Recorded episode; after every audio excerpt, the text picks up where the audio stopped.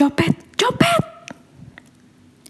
Di tengah pasar, ramai terdengar pekikan melengking, disertai hiruk pikuk orang berlari-larian mengepung, kemudian memukul bertubi-tubi pada kepala, muka, dan badan entah berapa kali. Ia, copet itu, seorang wanita remaja dengan kulit kehitaman, mata bundar, bibir mengatup erat menahan sakit, tak setetes air mata jatuh. Dan copet itu adalah diriku. Ya, memang betul. Akulah yang mencopet dua kaleng sarden dari tumpukannya yang ditunggui pemiliknya. Ia sedang sangat sibuk. Orang memanggilku keling, pencopet pasar. Kata Maisa, aku dilahirkan di kolong jembatan Kali Ciliwung. Tak pernah ku tahu siapa bapakku. Barangkali mak sendiri tak jelas siapa di antara lelaki-lelaki yang berhubungan dengannya. Itu gumam Maisa, yang kemudian merawatku ketika makku sendiri meninggal pada saat aku baru berusia beberapa bulan. Maisa, wanita setengah baya yang gesit itu, copet terkenal di daerah sekitar jembatan sampai pasar induk. Ia keras, suka maki-maki. Tetapi sesungguhnya, di sudut hatinya masih tersembunyi rasa keibuan yang lembut itu kurasakan karena dialah pengganti mak dan bapakku. Bahkan sampai besar, baru aku tahu bahwa bukan dialah yang melahirkan diriku. Aku digendong sambil memburu mengangkut sayuran, juga pada waktu mencopet makanan di toko, di tengah-tengah orang ramai berbelanja. Beberapa kali aku ikut masuk keluar tahanan polisi, bahkan sampai di penjara. Maisahlah yang mengajarku mencopet sejak aku bisa berlari-lari, tak lebih dari enam tahun. Ditunjukkan padaku barang yang mesti kuambil dengan diam, tanpa diketahui pemiliknya. Kalau berhasil, aku dicium dan dipuji. Anak pandai betul, anak Maisa. Pernah juga aku celaka ketika aku sedang mencopet dagangan babah cong yang sedang sibuk melayani pembeli. Tiba-tiba aku dipukul dari belakang. Kecil sudah nyopet. Kupingku dijewer hingga panas mengiang. Tetapi aku tak berani menangis. Takut emak yang selalu mengatakan, copet tak boleh cengeng dan harus tahan pukulan. Begitulah hidupku dari tahun ke tahun bersama copet pasar yang lain. Yang tidur bergelimpangan di dekat timbunan sayur, atau di emper toko yang mengelilingi pasar.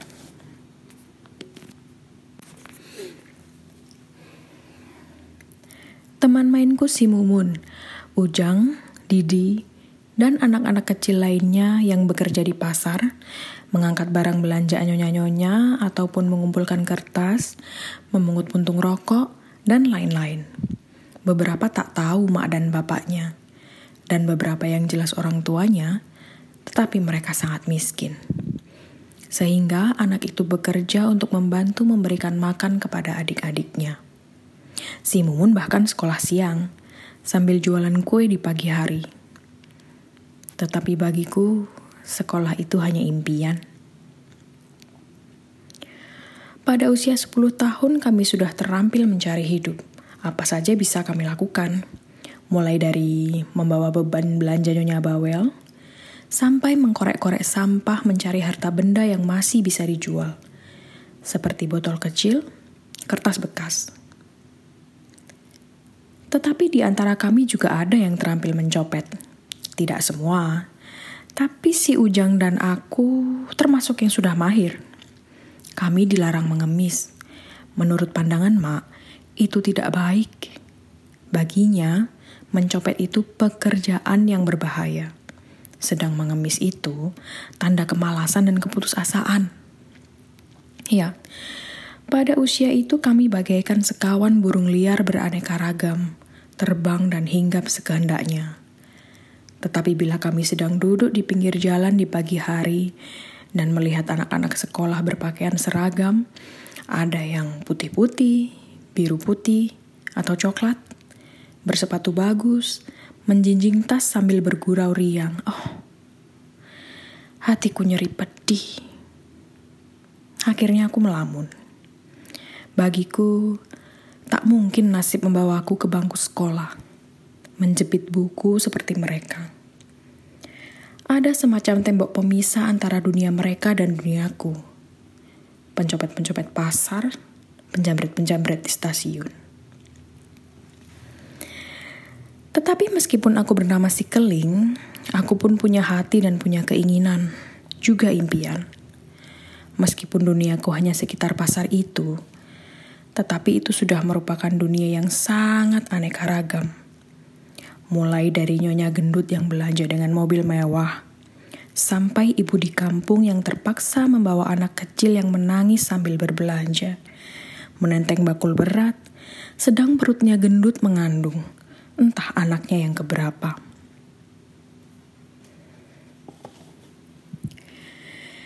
Pada suatu hari, seorang anak yang lebih tua dariku sedang menangis di jembatan.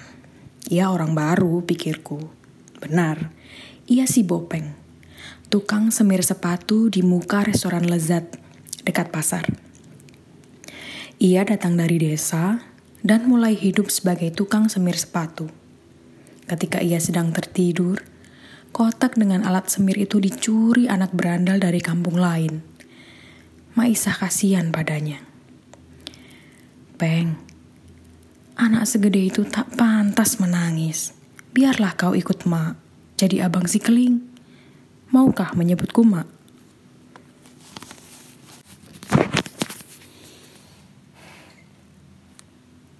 Bopeng terheran-heran Matanya menyinarkan setuju dan terima kasih. Memang belum lama ini ia ditinggal mati maknya di desa. Sedang bapaknya sudah lama tak mengacuhkannya karena sudah kawin lagi di kota lain. Tiba-tiba saja aku mempunyai abang. Biarpun si Bopeng, tetapi kuat melindungiku bila aku digoda teman. Bopeng yang sejak kecil hidup dalam kejujuran di kampung, kini masuk dalam lembah kelabu. Orang-orang preman yang tak mengindahkan peraturan. Tetapi kami tak pusing tentang hal itu, karena aku tak mengenal kehidupan lain. Amarah Bopeng kepada pencuri kotak semir dahulu mencekam hatinya, mengubahnya menjadi pencuri yang nekat, penjamret lampu mobil di tempat parkiran, atau dekat mobil bensin. Bopeng sayang sekali kepada mak dan aku. Setiap kali ia mempunyai uang, dibelikannya aku sebungkus nasi dari restoran Padang yang sungguh lezat. Bila aku melahap nasi rames dengan telur atau daging itu, senyumnya menyeringai. Ah, Ling, keling, tak kusangka kau bisa menghabiskan nasi sebungkus segede itu. Barangkali perutmu karet. Kalau kau memasak sendiri, kucurikan panci di toko di kota yang jauh dari sini. Jangan, Peng. Untuk apa panci kalau kita harus berpindah-pindah tidurnya? Dapur tidak punya, sudah mau cari panci. Kami bertiga tertawa terbahak. Tenang saja, Mak. Siapa tahu nantinya aku dan Keling menjadi tuan dan nyonya di gedongan. Dan Mak yang menimang cucu yang cakep. Tentu saja aku marah. Aku sudah biasa menganggap Bopeng sebagai abang sendiri. Kini, memang dalam beberapa tahun ini, Bopeng tumbuh menjadi pemuda kekar kuat yang sanggup mengangkat beras berkintal-kintal dari truk masuk gudang. Tetapi juga sanggup mencuri lampu mobil dengan terampil. Ia pun berusaha lebih maju dari teman-temannya dengan belajar membaca dan menulis pada Bang Amat penjajah koran. Hatiku mengakui bahwa ia bukan hanya pelindungku, tetapi kini menjadi tumpahan rasa kasihku. Jangan ketawa, kami memang tak memiliki rumah dan harta benda, tetapi kami juga memiliki hati yang bisa mencinta.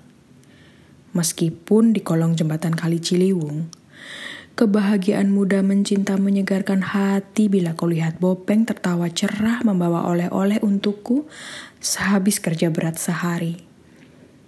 Tetapi bila berhari-hari tak ada pekerjaan angkutan, sedang mak sakit dan perutku keroncongan, kembalilah abangku si Bopeng kepada pekerjaannya, mencuri lampu mobil.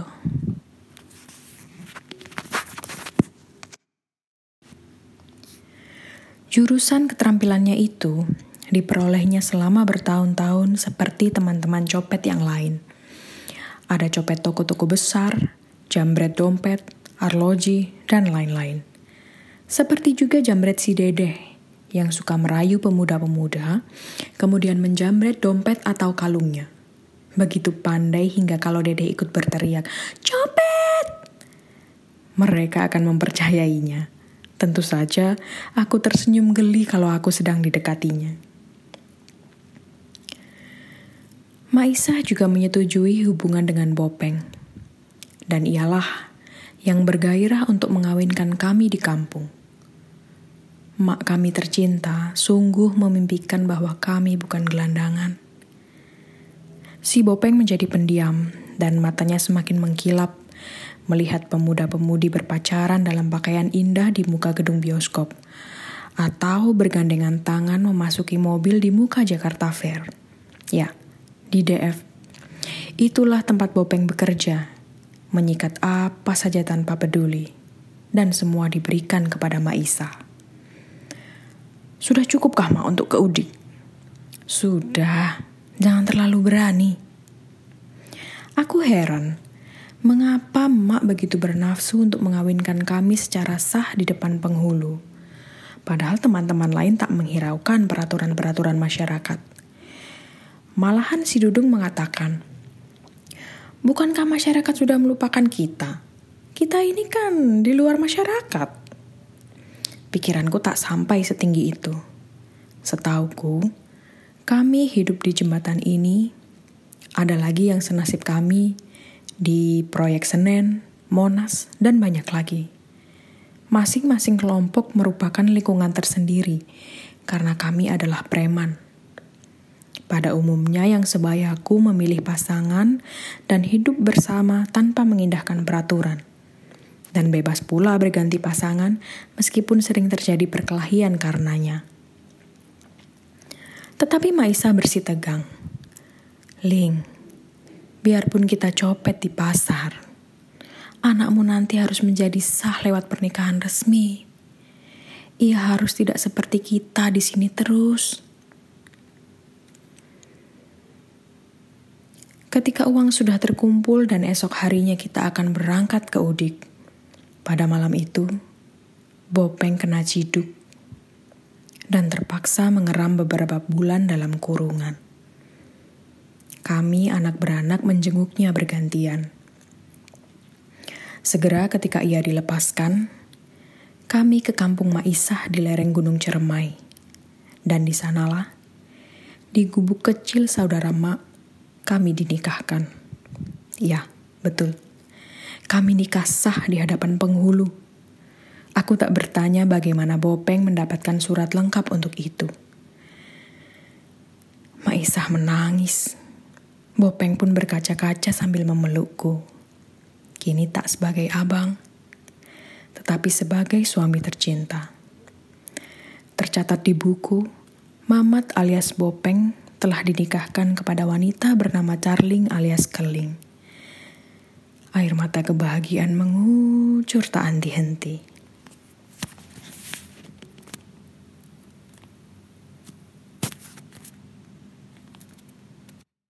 Sebagaimana setiap kesenangan dunia, tentu akan ada surutnya.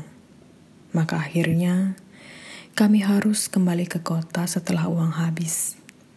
Kembali ke gubuk liar di tepi kali Ciliwung. Bopeng melarangku untuk mencopet lagi. Biarlah aku saja, kau masak di sini untukku. Apalagi mak kelihatan sudah tua dan sakitan, jagalah baik-baik. Begitulah Bang Bopeng mencari nafkah untuk kami bertiga. Sering juga aku digoda pemuda-pemuda lain. Ikut saja aku, Ling, si hitam manis. Pedagang sayur lebih banyak uang daripada maling seperti Bopengmu itu. Aku tak mau meninggalkan abang tercinta, biarpun dirayu lelaki lain. Aku adalah istrinya yang sah. Semua tetangga menertawakanku kalau aku marah. Juga ada teman mak yang membujukku. Ling, kau ini cantik. Mengapa tak kau gunakan untuk mencari kekayaan seperti si Mina dan Nining? Kau bisa hidup mewah. Ikuti aku. Nanti ku perkenalkan kepada lelaki kaya yang mau mengambilmu jadi piaraannya sendiri. Tentu senang deh hidupmu, ya orang gedongan. Aku menolak. Apa pun godaan yang kualami, aku tetap istri Bopeng. Aku cinta padanya. Aku tak mau menjadi pelacur yang memperdagangkan kasih sayang untuk bisa hidup mewah tanpa cinta kasih. Siapa yang mengatakan bahwa copet gelandangan tak mempunyai rasa cinta? Apakah cinta kasih hanya haknya orang yang mempunyai rumah dan pekerjaan? Hingga sekarang aku tak tahu bagaimana mengubah hidupku. Di lembaga pemasyarakatan, aku selalu diajari untuk tidak mencopet lagi tapi sepulangnya aku kembali lagi di tengah-tengah mereka, seolah-olah aku berenang dalam lautan dunia hitam yang menyeretku semakin dalam. Ketika ku katakan kepada Bang Bopeng bahwa aku mengandung, ia menangis. Air mata kebahagiaan bercampur kecemasan. Dari lubuk hati aku mengharap agar anak yang kini ku kandung bisa keluar dari lautan kehidupan hitam yang mengelilingi diriku. Anakku, ku impikan mengepit buku berangkat sekolah. Tentu saja bapaknya, Bopeng, harus berhenti menjadi pencuri lampu mobil. Dan aku pun harus bukan copet lagi. Tetapi bagaimana caranya, kini aku belum tahu. Aku tak mengenal keterampilan lain selain yang diajarkan Maisa sejak kecil.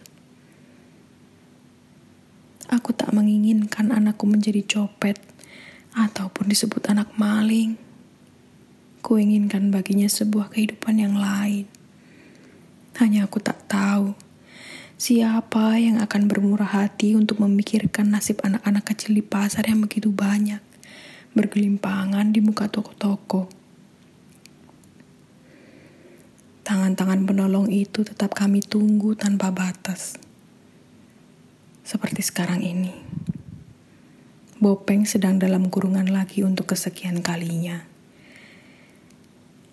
Dan ketika ku lewati penjual kaleng sarden di tengah pasar, terkilas lagi keinginan untuk mencopet barang dua kaleng. Rupanya bahkemu itu sedang sibuk menghadapi pembeli tetapi malang bagiku. Ketika tanganku dengan gesit menarik kaleng itu ke dalam tas untuk kukirim kepada Bopeng, suatu pukulan keras mengenai tanganku. Polisi pasar rupanya telah mengikuti gerak-gerikku. Dan kini aku meringkuk di balik terali untuk empat bulan. Dan bila Bopeng lepas, ia akan kemari Betapa akan cemas hatinya karena tak lama lagi anaknya akan lahir. Yang terpaksa masih di balik tembok ini. Adakah jalan lain yang bisa kutempuh selain jalan penuh onak dan duri ini? Adakah manusia lain di dunia yang luas ini bisa menyingkap ke mulut kami? Silakan datang melihat di pasar-pasar di sekitar stasiun, di mana-mana di kota besar ini. Asal tidak hanya melihat dengan mata, tetapi terlebih-lebih dengan hati. Uluran tangan itu kami tunggu-tunggu dari balik terali ini. Sampai kapan?